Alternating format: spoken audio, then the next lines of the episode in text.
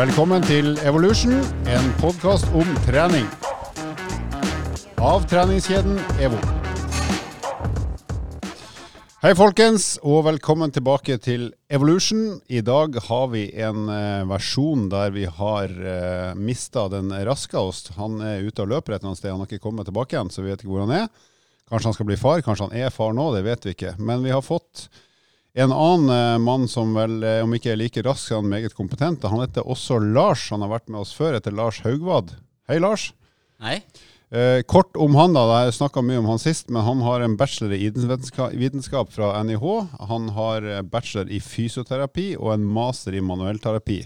Så han kan veldig mye om eh, mangt. Han har jobba med verdens beste skihoppere i mange år, og han har gjort alt som er mulig å gjøre i Snowboardforbundet. Og vel så det. Til og med vært ganske god på brett sjøl, har du ikke det? Nei, sånn passe. Ja, du, Jeg er imponert over at du har fått med deg at det har vært mye i Snowboardforbundet. ikke sant? Hvis du skriver navnet ditt, så kommer det ganske mye brettrelatert. Bra. Eh, det vi skal snakke om etter hvert, det handler litt om et av dine fagfelt, eh, Lars. Så det skal vi eh, introdusere snart. Men før det så pleier vi å skravle litt om løst og ganske fast. Og i dag, Så da skal vi innom mitt fagfelt. i dag skal vi innom det Lars den pene. Jeg vet da faen, begge dere er jo pen, og begge heter Lars. Den ene av dere, Lars, den som vanligvis er litt bredere enn deg. Ja, det syns jeg er fint å påpeke. Skal vi si Lars den brede og Lars den smale, eller skal vi bare si Lars pen 1 og 2? Vi tar det som det kommer. Begge i hvert fall eh, ser utmerket ut, i motsetning til den stygge, som fortsatt er som han er. Jo, eh, det vi skal snakke om først, det er hva vi liker av gjærbakst. Og der er Lars opprinnelig den pene, og fortsatt det. Hva, hva, der har du fått satt av intet mindre enn ti minutter. Vær så god. Takk for det. Og det her stiller ekstremt sterkt. Eh, Jeg tror jeg nevnte før, altså når jeg eh, jobba med alpint, så kom jeg hjem etter første sesongen, og da lurte de fleste på som var meg eh, nærmest, om jeg lagra mat i kinna. Jeg så ut som et hamster. Eh, derav. Så jeg er ganske god på å spise, og glad i god mat. Og gjærbakst er kanskje en av mine favoritter, og en ting, eller en matrett, som eh, jeg kan sverge til Mat, la oss kalle det matrett. ja, uavhengig av dag. Men topp tre den er faktisk ganske vanskelig. Men jeg begynner nok med ei god eplekake fra Hardanger. Med eple fra Hardanger. Er det sånn som mor har laga, eller kan, Ja, kan- nei, nei, nei, det må være mor. Ja. God eh, hjemmelaga, litt sånn høy eh, eplekake med godt med volum, så er det sikkert masse gjær i den, og eh, masse eple. Og gjerne med en eh, god vaniljesaus oppå. Da Skal den sausen være varm eller kald? Den er kald. Den er iskald. Enig. Ja. enig. Enig. Nei, det kan ikke være varmt. Nesten alt blir godt med kald. Men heller vaniljesaus enn uh, vaniljeis. Ja. Is, den spiser jeg separat. Ja, det blir litt vanskelig å kombinere eh, kompaktheten til is med den litt daffere kom, uh... Ja, for hvis eplekaka er lun og isen er kald, så smelter jo bare isen, og da blir den flytende. egentlig. Ja, for hvis du tenker at du bruker sju minutter på en tallerken, så er det kanskje bare to av de som er optimale i forhold til liksom, temperatur og konsistens til de to Ja. ingrediensene jo, i den matretten. Og det er jo kolonnekjøring inn i kjeften min, så det, det går ganske kjapt. eh, nummer to, da er jeg nok over på um, Åh, den er vanskelig. Det blir nok bolleland. Eh, og da Lars ler. Det Ja, boller. Um, og da går jeg nok for en ordentlig solskinnsbolle.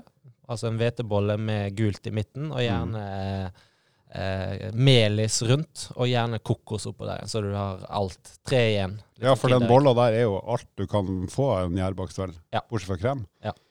Bortsett fra krem. Det kan du få på sida hvis du vil. Vaniljekrem, det. Og nummer én ehm, er en ekstremt god, saftig kanelbolle. Med masse kanel, eh, godt med smør, sånn at den er feit og god, og ikke minst sukker, så du kjenner at det er sukker igjen.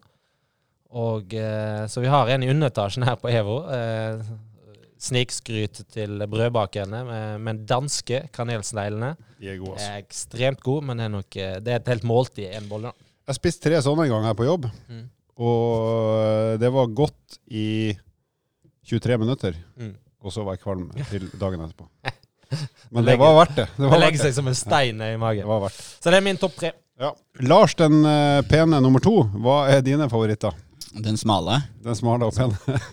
Eh, Førsteplass, helt klart eh, mors hjemmelagde prinsessekake. Hva er det for noe? Oi. Prinsessekake kaller hun det. Det er eh, litt sånn vaniljebollesnurrvariant med vaniljekrem og Det rosiner. er godt. Det er I godt. en sånn langpanne Mm. eh, med melis på. Så det er egentlig langpannekake? Ja, det er ja. langpannekakeboller. Ja. Deilig. Så det er en uh, soleklar nummer én. Ehm, og så, på nummer to, så eh, kommer um, Du vet, før så var det en sånn 7-Eleven i Bogstadveien for 10-15 år siden som jeg, had, som jeg tror hadde en sånn unik oppskrift på en skolebolle. Så er den beste skolebollen i byen eh, no, uh, Det er liksom ingen som kunne matche den. Så skolebolle er en klar nummer to. Var det sånn du spiste veldig sent på kvelden eller tidlig på morgenen? Eller var det Ja, det var døgnet rundt, da, heldigvis. Ja, ja. 7-Eleven. ja. ja, men jeg tenker på at det var ikke etter en fest eller Ah, på vei Jo, opp? det eller- òg. Ja. Når som helst. Ja, når som helst. Når som helst. Um, og på en god nummer tre, da, så eh, har jeg funnet de her ferdige bolleoppskriftpakkene, som du får kjøpt på Kiwi nå. Eh, de er ganske episke, fordi det er veldig fort gjort å lage bolledeig. Eh, så mine egne kanelboller, fordi trikset der er litt sånn som Lars er innpå, det må være nok sukker. Da smelter du smør og kanelsukker sammen i en kjele, og så blir det kanelsnurrer. Så min egen nummer tre. Så da, ja, for da bruker du posen, men gjør ei lokal justering? Lokal justering med sukker, kanel og smørblanding. Oh, Sikre godt her, for å si det sånn. Det hørtes godt ut. Og melis, da. Må ha melis. Ja, Eh, melis. liksom litt mer sukker. Melis inngår uansett. På min topp tre-liste Jeg sier på tredjeplass at det er smørkringler med ekstremt mye sukker som mutter'n lager, og det skal jeg faktisk få i kveld når jeg kommer på hytta. Det har hun lova. Og de skal være varme, sånn at uh, smøret er Det har størkna, men det er fortsatt sånn god lunk, sånn at sukkeret sitter tight. Og så er nummer to skolebolle med ekstremt mye melis. Ja. Altså Da mener jeg at den skal være hvit med bare sånn liten så sol i midten. midten. Så det er egentlig melis med bolle. Ja, det er egentlig det. Og så, den beste varianten jeg har hatt, eh, det var når eh, min utmerkede samboer eh, Det var til en bursdag, da ønska meg skolebolle, men eh, halvert skolebolle. Altså bare med halve høyden. For da blir jo melismaken enda kraftigere. Ikke sant? Da slipper du fem centimeter med Hvetebakst. hvetebakst. Ikke sant? Som da, faktisk er det vi snakker om. ja, så da, ja, ikke sant? Men det er jo bare unnskyldning for å ha melis. Det er jo, det er jo? Det er som et knekkebrød, med det pålegget som er godt. Så da var skoleboller bare 2,5 cm, og 1,5 av de centimeterne var melis. Det er det beste jeg har fått. Insulinsjokk. Ja ja, da òg var jeg dårlig vel hele den helga. Men igjen, det var verdt det. Ok, vi skal over til eh, temaet, og det kommer etter denne lyden.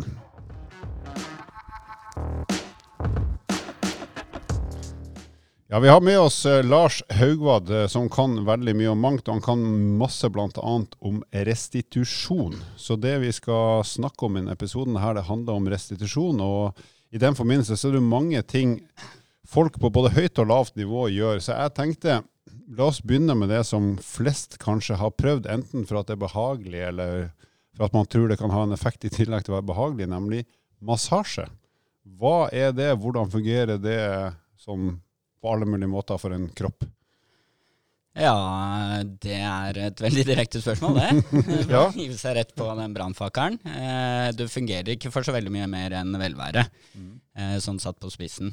Um, massasje kommer i mange forskjellige former. Eh, det er eh, strykende massasje, sportsmassasje, som de sier, går litt dypere vev.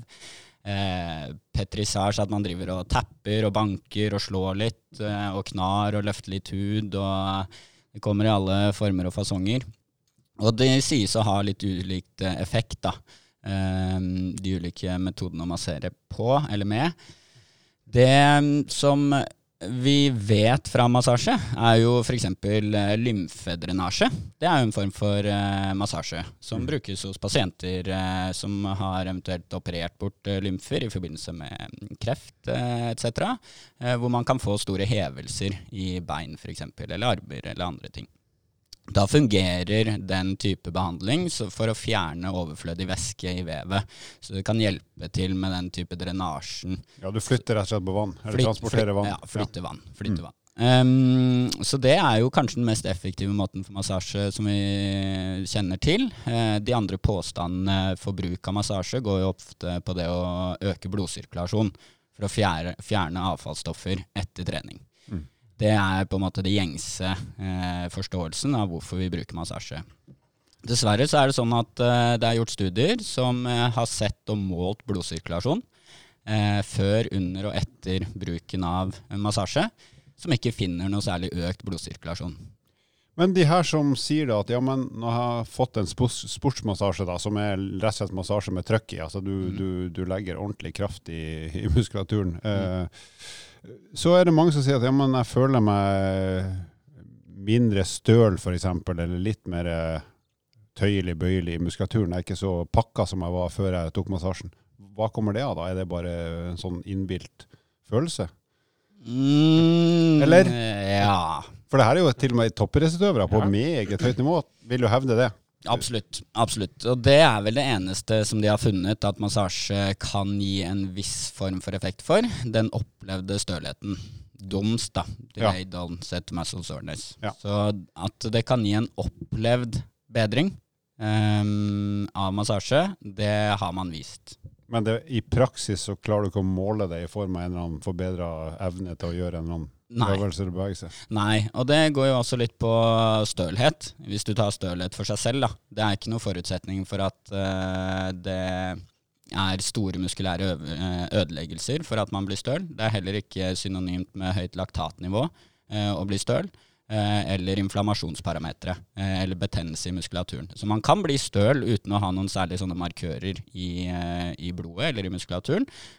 Og det sier jo litt at det er mer en opplevelse av en uvant aktivitet, Mm. heller enn at det er en respons på en betennelsessituasjon i muskelen. Ja, så typisk da, Hvis du trener litt mer eller litt hardere enn det du har gjort på lang tid, så Ja. vil du kunne få den opplevelsen rett og slett for at nå gjorde du mer enn du har gjort på lenge. Eller noe annerledes. Riktig. Ja. Riktig.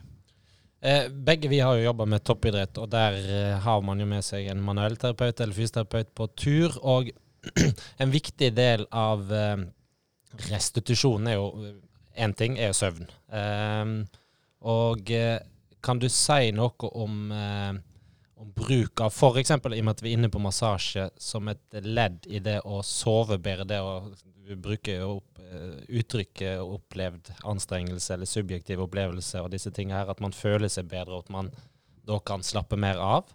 Eh, I forhold til å få en bedre søvnkvalitet. Og nå gjør jeg gåsetegn, så Mm. hvis du kan si noe om det. For den restitusjon, eller søvn er jo eh, kanskje det viktigste parameteret vi har i forhold til restitusjon. Absolutt. Eh, og du har helt rett i det, Lars. Um, vi bruker jo ofte den type behandling eller interaksjon, da. Eh, samvær med en utøver for å eh, koble av. Sove med utøveren. Ja, det har skjedd, det. Av andre, right. andre grunner enn restitusjon. Men eh, det jeg tenker på, er at eh, når jeg kom inn i idretten, eh, kom inn i toppidretten i 2010-2011, så tror jeg det første foredraget, eller første samtalen jeg hadde med i utøvergruppa mi, som jeg skulle reise med 250 dager i året, var effekten av massasje.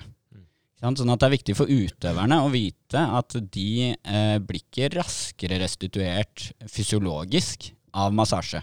Men kan, de er hjertelig velkommen til rommet mitt for en prat. Selvfølgelig kan jeg massere hvis de syns det er behagelig, fordi de kan få kobla av og prate om litt andre ting enn det de kan prate med en trener med.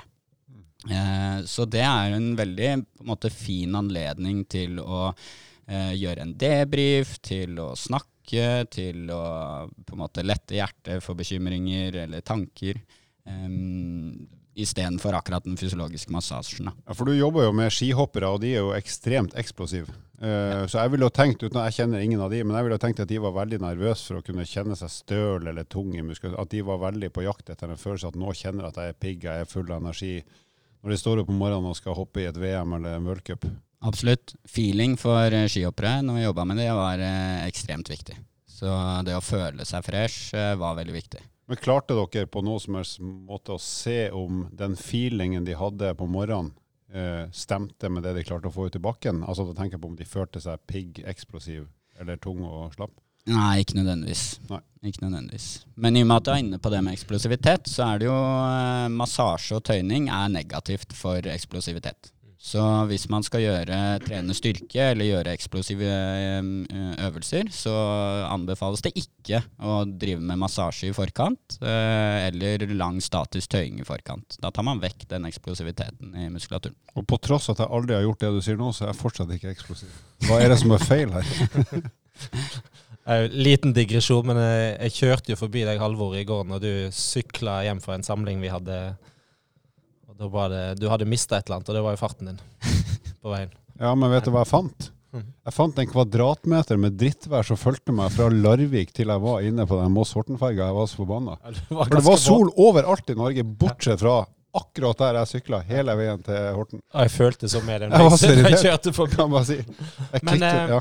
Det bringer oss over på en annen viktig ting, eh, tenker jeg, i forhold til styrketrening f.eks., eller kondisjonstrening. Men det tror kan være smart overfor våre lyttere, er et eh, verktøy som heter massasjepistol, som er blitt mer og mer populært, og som man ser at folk bruker både i forkant og i etterkant av aktivitet eller trening. Mm.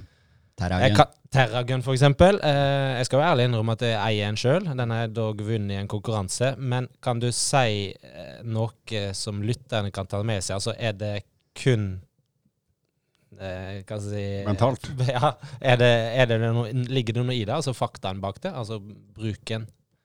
Eh, ikke ennå. Hva det- tror du da? Ehm, vanskelig å si. Det gir jo et stort stimuli da, til eh, ikke nødvendigvis eh, muskelvev eller muskelfibre, men til nervesystemet.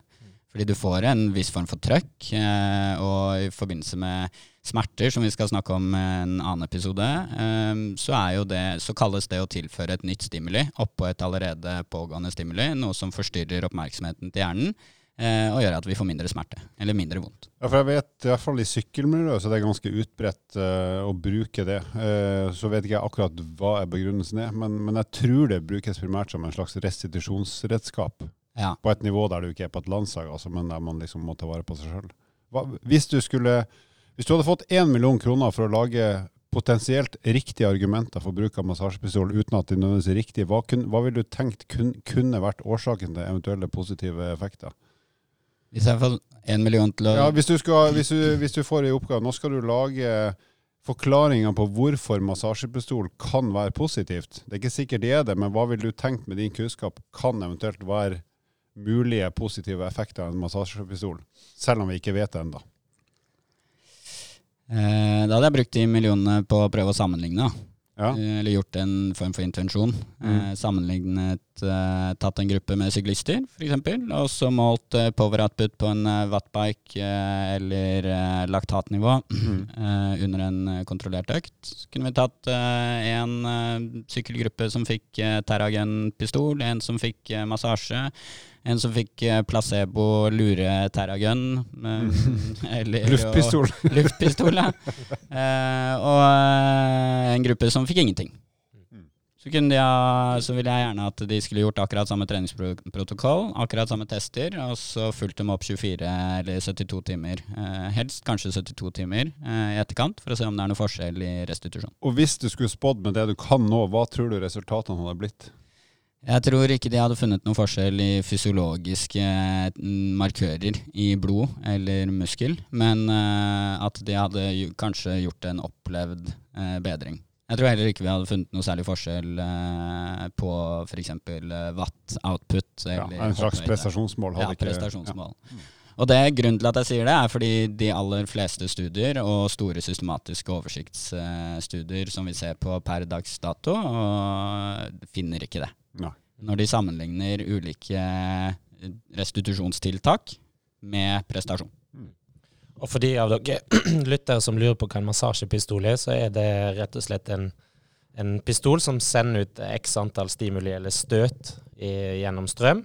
Eh, og så er det ulik kraft på det, stort sett. Og så kan man bytte fronten på det, så du får komme litt mer lokalt og ikke Det er som å bli, det er bank, er som å bli banka med en plastikkhammer. Ja. Med sånn kulehode. Ja, det er jo litt sånn. Det er jo litt morsomt. Ja. Fordi det er liksom fancy innpakning Mm. til noe du kan jo bare ta en hammer. Og den er kun beregna på muskelbruk. Den er kun beregna på muskelbruk. Ja. Ja, Bruken der det er bløtdels. Ja. Bløtvev. Ikke si det, for da er det Eh, mange som begynner å Men det er òg en fordel, tenker jeg, er jo for ergo at uh, den subjektive opplevelsen, eller den uh, opplevde, Eh, så er det jo lett, det er jo egen massasje eh, som man kan gjøre på seg sjøl. Man er ikke avhengig av en annen fysioterapeut eller massør for å da Mm. kunne kjøre eventuelt massasje. Og det bringer meg over på en annen type form for egen massasje, og det er foam rolling. Mm. Fleip eller fakta? Fleip. Forklar først hva det er. Ja.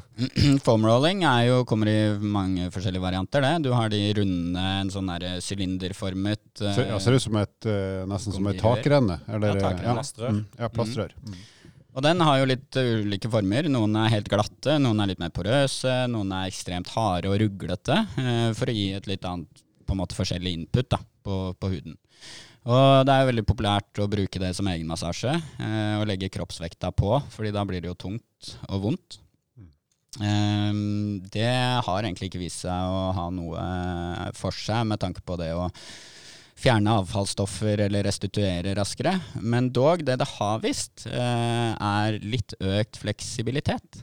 Mm. Um, Spennende. Ja. Så, det er, eh, så jeg ser jo at det er noen som bruker litt tid på det i forkant av en treningsøkt, f.eks. Um, og da kan man tro at det gir noe mer fleksibilitet. Men om det er noe bedre enn eh, aktiv eh, mobilisering eller aktiv mobilitet, eller å gjøre øvelser som er dynamiske, det eh, gjenstår å se. Så det er hva du bruk, gidder å bruke tida di på. Da. Men litt sånn som du sa i stad, at du ville ikke anbefalt massasje før f.eks. en styrketreningsøkt. For det er i beste fall ikke relevant, men sannsynligvis dumt. Mm. Er det det samme da med en formrolle? For det er jo veldig mange som bruker det som en forberedelse, drill til styrketrening og alt mulig rart, uh, i tillegg til en del bevegelsesøvelser. Vil du si at det er dumt i utgangspunktet? Ja, med tanke på det stimuliet på fleksibiliteten, så er ikke det optimalt. Nei. Men med tanke på det ubehaget som en foam roller kan gi, så kan jo det egentlig forberede, forberede deg på å tåle mer ubehag i en styrketrening. Eh, og det er jo det man ser eh, også litt sånn smerterelatert, at eh, når den foam rolleren er så ubehagelig, så tåler man på en måte litt mer, og det er kanskje derfor man tenker at man tåler litt mer strekk. da. Ja, for, de, for de som ikke har prøvd det, så er det jo ikke sant, Tenk deg at du ligger på et hardt plastrør, og så er det jo uansett hvor frisk og fin du føler deg, så er det jo en del punkter, særlig på låret, må jeg jo si for min egen del, så er det sånn på siden, av låret, der det er kort, lite muskel mellom knokkel og hud. Der er det noen punkter som, som er så vonde at uh, hvis du ligger der med en ti sekunder, så er det jo ødelagt mentalt og fysisk. Altså Det er rett og slett en sånn intens smerte. Mm. Eh, vi begge har jo vært uh, tilknytta litt Olympiatoppen, og jeg vet jo at det har vært utført et prosjekt der oppe eh, med ulike fagpersoner, blant annet deg sjøl. Eh, kan du si noe om hvilke funn og hva man har gjort av eh, forsøk og, og tiltak der som har vist seg å gi effekt, og kanskje ikke har vist seg effekt, for vi får bare sånn overordna hvilke tiltak som kan funke, og som kanskje lytteren kan ta med seg inn i sin hverdag, før vi går inn på spesifikt i forhold til løp og kondisjon og styrke. Ja. Um, det er jo primært uh, Gøran Paulsen, s- førsteamanuensis på NIH, som har uh, vært litt sånn driver der, uh, sammen med en eh, eh, annen fagperson, Siri Marte Hollekim, som holder til i Trondheim. Um, de starta det prosjektet her for å hente inn informasjon på ulike restitusjonstiltak. Så de uh, sparra med ernæringsavdelingen, med kraftstyrkeavdelingen, med en medisinsk avdeling, altså helseavdelingen med leger og fysioterapeuter, for å gå gjennom litteraturen. Så det ble ikke gjort noe eh, konkret intervensjon eller forsøk, men det var mer et litteraturstudie og samtalegrupper og diskusjoner for å bli enige. Ja. Finne ut av hva er det Ja. som er dokumentert, Ja. og sammenfatte det på en måte. Ja. Ja. Og um, det koker jo ned til at eh, det som gjelder er søvn og eh, ernæring. Så kjedelig. Eh, Utrolig kjedelig. Eh, men Men mat, eh, Mat er kult, Næring er jo gjærbakst òg, Halvor. Ja, det er sant. Ja, det er jo Altså, take home, det er vanskelig å utfordre idretten på det å gjøre minst mulig. Fordi en idrettsutøver vil alltid strekke seg etter på en måte 2 hver den lille promillen som kan gjøre meg enda bedre. Hva kan jeg tilføre min hverdag for å bli enda bedre? Og eh, den følelsen som vi har snakket om, den her eh, opplevde følelsen av velvære, er jo viktig for de som trener hver eneste dag, kanskje to ganger om dagen. Men det skal jo ikke gå på bekostning av at du ikke får sove, eller at du ikke prioriterer tid til å få i deg mat. Så eh, veldig sånn overordnet take home der de intervensjonene eller de tiltakene du gjør, er helt ok hvis det får deg til å føle deg bedre, men det har ikke noe fysiologisk effekt i muskelen, og det må ikke gå på bekostning av søvnen din. Så bare hvis du er toppidrettsutøver eller utøver, og du er på samling, Eh, Lars og jeg har vært på mange samlinger, og det er lange dager, og de er sent, sent i seng. Hvis du velger å prioritere en halvtime massasje, dyp, vond, ubehagelig massasje, eh, eller fremfor det å spise og gå og legge deg tidlig, så har du missa i prioriteringene dine. Men hva er erfaringa da med de idrettsutøverne som vil bli bedre? Godtar de at det er sånn, er som, er er det noen som på en måte ikke klarer å slippe at det her det er sannsynligvis bedre å spise tidligere og legge meg tidligere. Altså, blir folk eh, overbevist om at eh, det du sier nå er fornuftig? Altså la være å massere, eller la være å ligge på foamroller, hvis du heller kan gjøre noe annet som er bedre? Eller la være å gjøre noe, egentlig? Nei, det er et godt spørsmål. Det er vanskelig. Mm. Det er kjempevanskelig. Fordi det har vært eh, kulturelt i så mange, mange år. Og massasje eh, som et eh, verktøy har jo vært det fysioterapeuter ofte har kunnet tilbudt utøvere. Det er massasje etter trening, og det er det vi på en måte helsearbeidere er blitt assosiert med. Mm. Så når vi skal komme på samling og si nei, vi skal ikke drive med massasje lenger, vi skal drive med belastningsstyring, så er det utøvere som er litt sånn nei, dette er ikke det jeg forventer av deg. nå skal du stille opp fordi jeg vil på benken og slappe av. Et spørsmål, Jeg må følge opp én ting med formroller, og det er jo det her, Spørsmålet mitt er da når du ligger på denne, eh, det røret her og kjenner at 'oi, der var det vondt', ligger, altså, så andreplass kan være nei, ikke noe problem, så plutselig så treffer du et punkt i muskulaturen som gjør så vanvittig vondt. Hva er det? Hvorfor gjør det vondt akkurat der og der og der? Hva er de punktene som gjør at akkurat her gjør det vondt, og ikke andre plasser?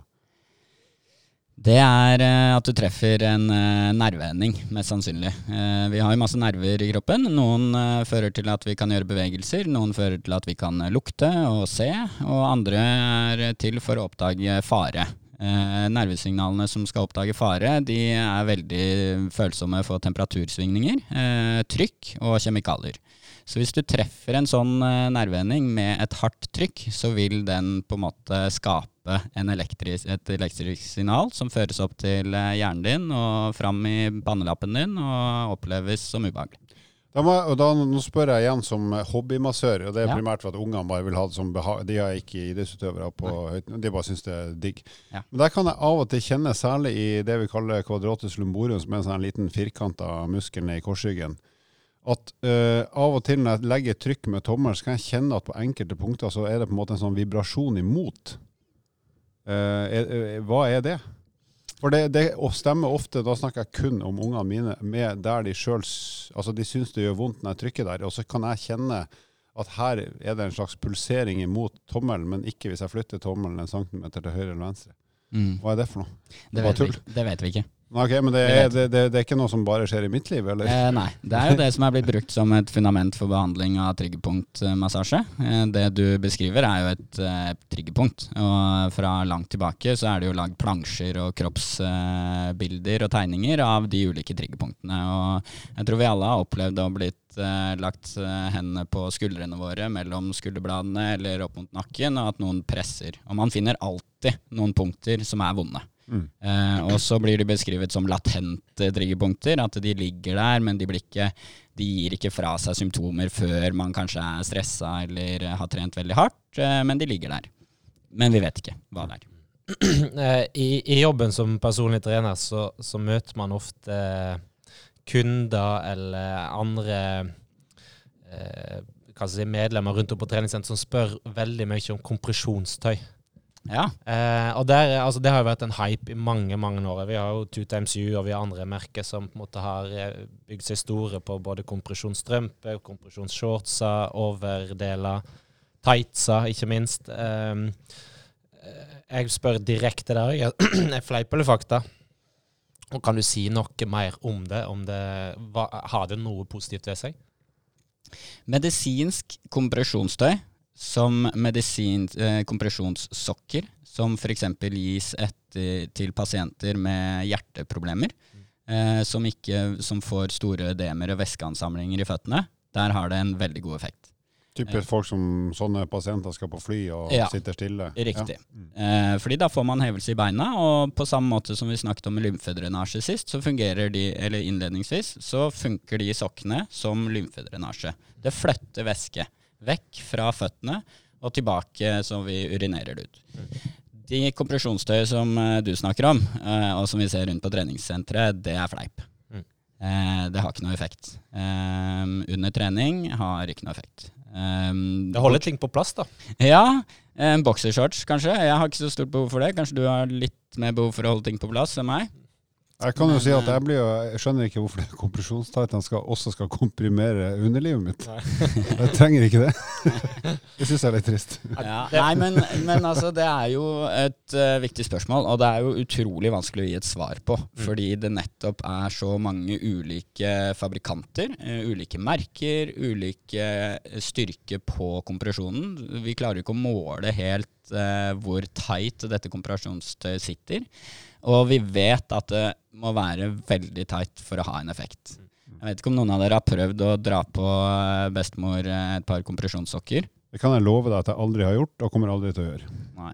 Har du prøvd, Lars? Nei, men jeg har prøvd det på noen av utøverne mine. Ja. Eh, Altså, det er jo greit, det er to forskjellige ting, men det, Ja. Du må jo ha du, du, det, er jo, sitter jo steinhardt. det er en kamp. Det er en kamp Mm. på å få på seg en sånn sokk. Og det er det ikke når du tar på deg et vanlig kompresjonssliv under Ja. bicepskøll.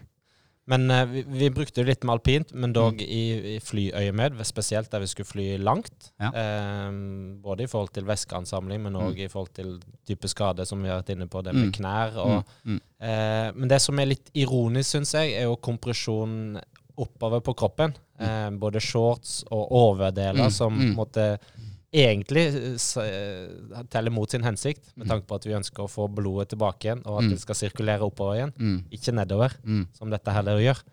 Eh, Så at folk, eller lytterne våre, har litt i bakhodet at de tenker dere om hvor og hva dere bruker av kompresjonstøy. Absolutt. Og ikke bruk altfor mye penger på det. Nei. Andre ting å bruke penger på. Da må vi jo ta en til. da. Hva med isbading, eller bading i iskaldt vann? Med eller uten isbiter? Er det noe, annet, er det noe annet enn kaldt?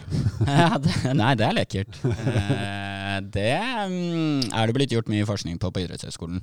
Og eh, de langvarige effektene av eh, kuldebad er negative for å ta til seg styrketrening. Så adaptasjonen som skjer i kroppen eh, etterfulgt av, eh, eller i etterkant av styrketrening, den reduseres. Så ved- er det for at kulda gjør at blodstrømmen blir dårligere? Eller mindre? Ytre, Ja. I? Ja, og den reduserer på en måte disse her cellesignalveiene som skjer. Eh, på lik linje som eh, NSIDES, eller betennelsesdempende. Fordi etter en styrketrening så vil man jo ha en liten form for betennelse for at kroppen skal bygge seg opp igjen. Og vi vet jo at nedkjøling kan ha en effekt på å redusere den eh, inflammasjonsprosessen, som på lang sikt vil redusere effekten av styrketrening. Men når det er sagt, så er det jo sånn så er det jo vist at hvis du driver med um, mange tunge øvelser på en måte i løpet av samme dag, da, så kan det ha en liten effekt på prestasjonen, eller på det som handler om restitusjon. Så hvis du trener kneet en gang i timen, for Ja. så er det smart? Ja, ja kanskje. Kanskje. Kanskje. Men det er kaldt, da. Det er ubehagelig. Du skal jo sitte en stund uh, oppi der. Ja, hvor lenge da? Nei, rundt et kvarters tid. Ja, altså rundt 10-12 eh, rundt 10-12 grader. Der. Det er jo mye brukt uh, ute i toppidretten òg. Altså, man har jo dette som heter kryosauna, som er da flere hundre grader kaldt, Mm. minus. Mm. Som mange toppi, altså både fotballag og Mm. Andre toppidrettssenter. Vi har jo vært på noen av de Mm. rundt om i verden, og det, det er ikke på Olympiatoppen, men det er på veldig mange andre plasser i verden. Mm. Og det har samme hensikt i utgangspunktet i forhold til restitusjonen, og, og da forminske tida til man kan kjøre neste økt. Mm. Men er, gjør- Men- er, er de inkompetente, eh, der, der man holder på sånn? Nå snakker vi om på høyt nivå. At vanlige folk gjør det, betyr jo sannsynligvis ingenting. Men Nei, men er, jeg tror det er en vurdering eh, de gjør. Eh, det er jo som Lars sier, at eh, man kan bruke kuldebad for å tåle mer trening eh, på korte perioder. Men det går jo på bekostning av den langsiktige tilpasningen av muskulatur. Så hvis du har, sånn som våre utøvere, kanskje sommer, da, eller som vinter, som alpint litt mer tyngre eh, muskulær påkjenning enn hopp. Eh, som kjører steinhardt eh, belastning på muskulatur, og som skal prestere kanskje senere på dagen eller tidlig dagen etterpå, vil jo kanskje være gunstig eh, for å føle seg bedre, eh, føle seg freshere til neste økt. Men eh, det gjør du en kort periode. Mm. Og så har det jo litt å si andelen muskelmasse, altså hvor Mm. mye muskelmasse du har på kroppen din. mm, Og der er jo f.eks. en alpinist kontra, eller en syklist for den saks skyld, eh, en hopper, mm. er jo ganske stor forskjell. Eh, Ja, det er vel hårfint. Ja, En skihopper, en skiflyger kontra en ut, utforalpinist. fette fart, si. Det er vel dobbelt så mye, er det ikke? Og så har jeg i det siste observert eh, litt i sosiale medier, vi lever jo i en digital verden, eh, hvor noen utøvere er begynt å markedsføre en del disse trykkbuksene. Eh, nå husker jeg ikke merket, men eh, Erling Braut Haaland har jo lagt ut eh, noen bilder på sin Instagram, og vi har jo andre, både crossfit-utøvere og eh, andre utøvere som eh, bruker disse trykkbuksene når de flyr, f.eks., som er da tilknytta et apparat som man får trykk rundt beina og beinvevet og eh, litt i retningen det du snakka innledningsvis om i forhold til lymfedrenasjen og få sirkulasjonen tilbake igjen eller oppover. Mm. For trykk, da tenker du et mekanisk trykk Me- som mekanisk er trykk, presse inn mot Ja, Så du har på deg en bukse, og så stiller du en x antall eh, ja, eh, vekt i forhold til hvor mye trykk du skal ha på beina. Mm. Hva tenker du om det? Mm, jeg tenker sånn i utgangspunktet at det kan være høres fornuftig ut. Um, det er jo ikke blitt gjort nok eh, forskning på det. Eh, jeg vet jo en kollega av deg, Åsmund Andersen, eh, holdt på med det og hadde lyst til å gjøre noe på det. Jeg vet ikke hvor langt han kom. Nei, Jeg kan jo si litt om det. Vi testa, for dette er jo brukt mye i Luftforsvaret blant flygere. Og det, disse trykkbuksene er det som eh, jagerpiloter har på seg i forhold til å både restituere, men òg i forhold til komprimere. Um, nå vet jeg ikke eksakt sånn inngående hva de brukte, men vi fikk tak i noen av disse buksene gjennom uh, noen F-16-flygere og testa det på våre utøvere, eller alpinistene den gangen. og i et restitusjonsøyemed der de lå nede og satte trykk på, og så målte vi puls. og Det var en måte et veldig enkelt utgangspunkt. og Enkelt prosjekt eller forskning, om man kan si det sånn, eller forsøk. Eh, og da gikk det mest på subjektiv opplevelse og i forhold til puls, hvor fort den gikk ned etter en hard intervalløkt på sykkel. Og så testa vi òg på styrke i forhold til ganske tung belastning. Om det ga noe effekt, det er minimalt, vil jeg si, men en subjektiv opplevelse etterpå var veldig god. Mm. Altså det å gå ut av en bukse eller den her eh, trykket, Mm. og så slippe opp igjen, så Mm. strømmer det ganske mye i kroppen. Og det, det flere av de sovna jo underveis når det Mm. trykket var på. Så det, liksom, det har jo da en, si, en eh, subjektiv opplevd eh, effekt i forhold til at de kunne slappe av mye mer. Det er vel generelt vanlig å synes at det er ålreit å slippe å ha det vondt. Altså at den effekten av at åh, det var digg å ikke ha det vondt, den er jo alltid god. Ja. Så hvis du har påført deg noe ubehagelig, så er vel det ganske naturlig. Mm. Ja, og håndspåleggelse er godt, da. Ja. Det er veldig mange som syns det er godt å bli tatt på, og i hvert fall bli gitt et trykk på, for å så slippe opp. Mm. Så jeg vet jeg var borte i USA her eh, på besøk i, i fjor, forfjor, eh, før pandemien slo ut. Og da var jeg på det olympiske senteret der borte i Colorado. Og der var det jo lina opp med kompresjonsbukser til, eh, til alle mann. Mm. Um, så um, det er jo klart at um, N Norge er et konservativt land. Det kan vi si. Eh, Tyskland er, og USA er kanskje de største på dette med alternative tiltak på restitusjon. Eh, blant annet eh, med disse med bukser og nåler og teiper og eh, isbad og lavendel og duftlys. Jo flere folk i et land, jo flere tullinger som har lyst til å prøve noe nytt, og av og til slår det til. Ja, det er lettjente penger. Ja, det er det. Mm. Du, vi må bli litt praktiske i avrundinga her. Og da hvis vi snakker til lytteren generelt, hvis du driver primært med kondisjonstrening, eh, om det er løping, sykling, hva som helst, hva vil du si er de smarteste måtene å tenke restitusjon på da, enten du trener to ganger i uka eller hver dag? Hva er liksom de lure tinga å gjøre uansett, for en som primært er kondisopptatt? Eh, det er eh, ernæring og søvn. Ja. Gode søvnrutiner Ja. eh, er viktig. Og hvis du driver eh, utholdenhetstrening, så er det jo mange som eh, snakker om eh, restitusjonsøkter, f.eks. Etter en høyintensiv løpsøkt. løpsøkt. Så må man være bevisst i valget eh, man gjør. eh, For det første så er restitusjonsøkt et litt misoppfattet begrep. Det er ingen økter som i seg selv gjør at du restituerer raskere. Det blir kun et pålegg. Det blir mer trening i totalbelastningen. Så du kan jo lure opp totalbelastningen ved å kalle det en restitusjonsøkt, men det vil ikke gjøre noe fysiologisk for, uh, fordelaktig for de som trener to ganger i uka. Men eh, valg av type trening kan være fornuftig. Velg sykkel eller ellipse eh, fremfor å løpe. Vi vet at løping er en enorm belastning på muskulatur eh, i form av eksentrisk den her bremsen som man hele tiden skal gjøre. Og hvis man eh, driver med utholdenhet og eh, har lyst til å bli en god løper og syns det er behagelig med en såkalt restitusjonsøkt, så velg kanskje en halvtime på, på sykkel eller ellipse. Og de som da primært er styrketrenende, og som tenker at det er det viktigste treninga gjør, hva er lurt å si til de, som alltid er smart? Sove og spise. Så det er lurt Om, om uansett. rekkefølge. ja, spise og sove.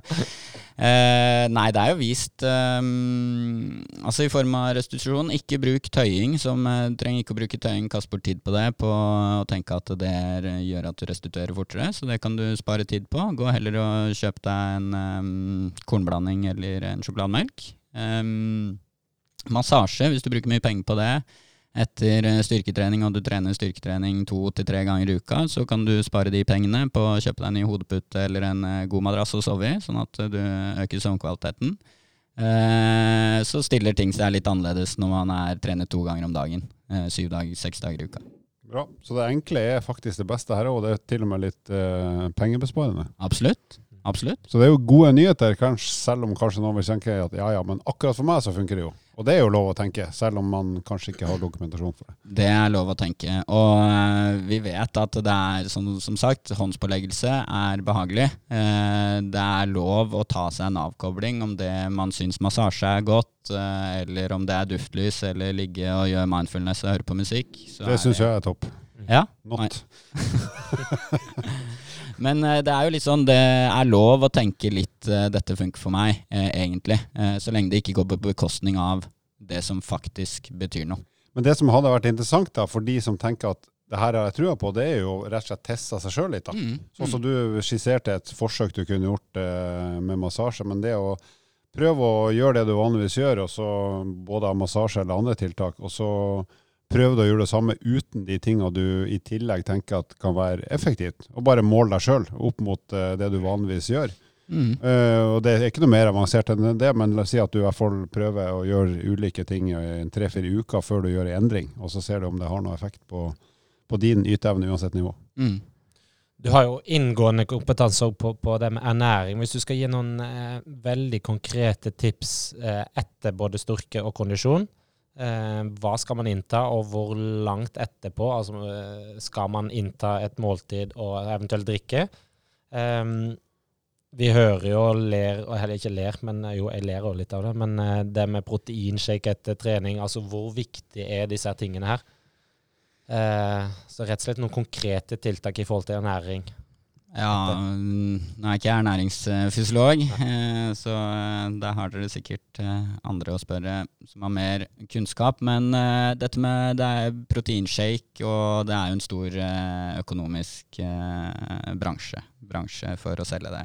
Det er bortkasta hvis man trener to til tre ganger i uka og har et vanlig husholdningskost med med pasta, litt kjøtt, litt bønner, litt linser, grønnsaker og frukt. Eh, så får man eh, i seg den proteinmengden man trenger. Eh, men hvis man i perioder trener litt ekstra, og har litt vanskeligheter med kanskje å rekke å spise, så er kveldsmåltid noe av det viktigste.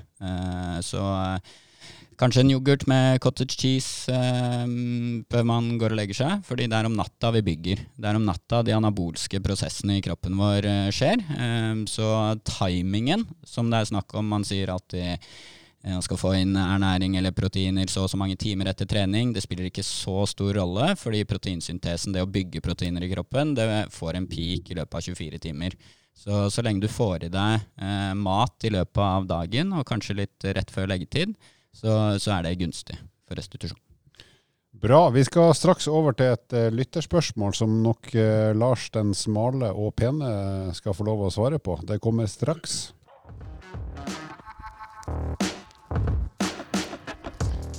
Vi får inn uh, fine lytterspørsmål uh, hele tida nå. Et av de vi har dratt ut uh, denne uka her, det kommer fra en som heter Even, og han skriver Jeg løper to til tre ganger i uka, ca. én time hver gang, og så trener jeg styrke mest på beina et par ganger i uka. Jeg er ofte støl dagen etter både løpeturer og styrketrening, så beina er tunge mange av de dagene jeg løper.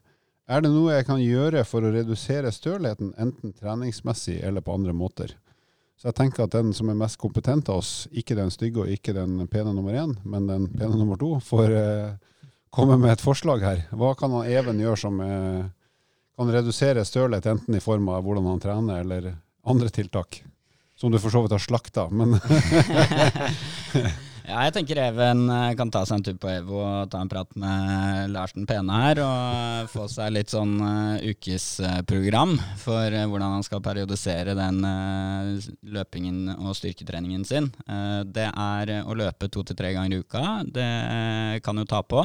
Jeg ville anbefalt han å finne ut hvordan han løper, om det er mye nedoverbakke eller om det er mye rett fram, om det er asfalt eller motbakke. Og gjort eh, f.eks. Ikke styrketrening dagen etter du har løpt mye eh, høy intensitet på asfalt eh, nedover, eh, men eh, lagt inn styrketreninga eh, i hvert fall dagen før man løper, eventuelt. Så Og kanskje også, som du nevnte i stad, vurdert at kanskje ikke alle løpeøktene skal være løping, men Nei. vurdert en annen bevegelsesform. Ja, sykkel f.eks. Ja, Hvis du kjenner at mm. beina er helt helt pakka i dag. Det ja. vil seg ikke. Kanskje gjøre noe annet enn å løpe. Gjøre noe annet enn å løpe. Mm. Og finne ut hva slags eh, litt underlag og litt uh, ulikt terreng uh, som han kan gjøre. Og hvordan type styrketrening. Uh, han trener jo bein mest, sier han, to ganger i uka. Mm. Finne ut hvordan han trener. For um, da kan skille mellom at det er veldig tungt mekanisk, eller om han kan gjøre en annen type beintrening med litt mer eh, oksidativt, da kanskje litt kortere pauser, litt mer sånn sirkeltreningsaktivitet som får en litt mer sånn muskulær utholdende eh, type effekt enn de tunge, veldig belastende mekaniske beinøktene. Bra, da tror jeg Even har fått det i retning å gå etter. Og nå må du bare følge med Even og gjøre det som du får beskjed om, så blir det her bra. Lykke til. Ja. Vi avslutter med en uh, fun fact i forbindelse med at vi snakka mye om restitusjon og ernæring. Så har jeg funnet fram at uh, den, det mennesket med den verdens bredeste munn, det er en som heter Francisco Domingo Joaquim, kalt Choquinho, fra Angola. Han har en kjeft som er 17 cm brei. Så han må jo ha all verdens mulighet til å restituere og spise det han trenger jækla fort. Han Lars, den eh, smale og pene, han prøver nå. Han er hvis jeg skulle tippa, så er det kjeften din kanskje en 8-9 cm brei. Ja, kanskje 10. Oppe, oppe, ja. Så, det, så da er det halvveis. Altså, han kan stappe i seg en tredjedels Grandiosa bare på ett smekk. På tvers. Ei pølse, ei wienerpølse er, jo så vidt det blir halvfullt, ikke sant? og da går den inn på tvers. Det er ganske spesielt. Så en ekstrem kapasitet til å spise kjapt for restitusjon, i hvert fall. Ja. Ta brød på tvers. Ja. Ja, ikke sant? Han er et forbilde for oss alle. Og med disse fjollete ord så takker vi for oss, og så høres vi snart igjen. Vil du vite mer om trening, abonner på podkasten og sjekk ut vårt treningsmagasin på evo.no.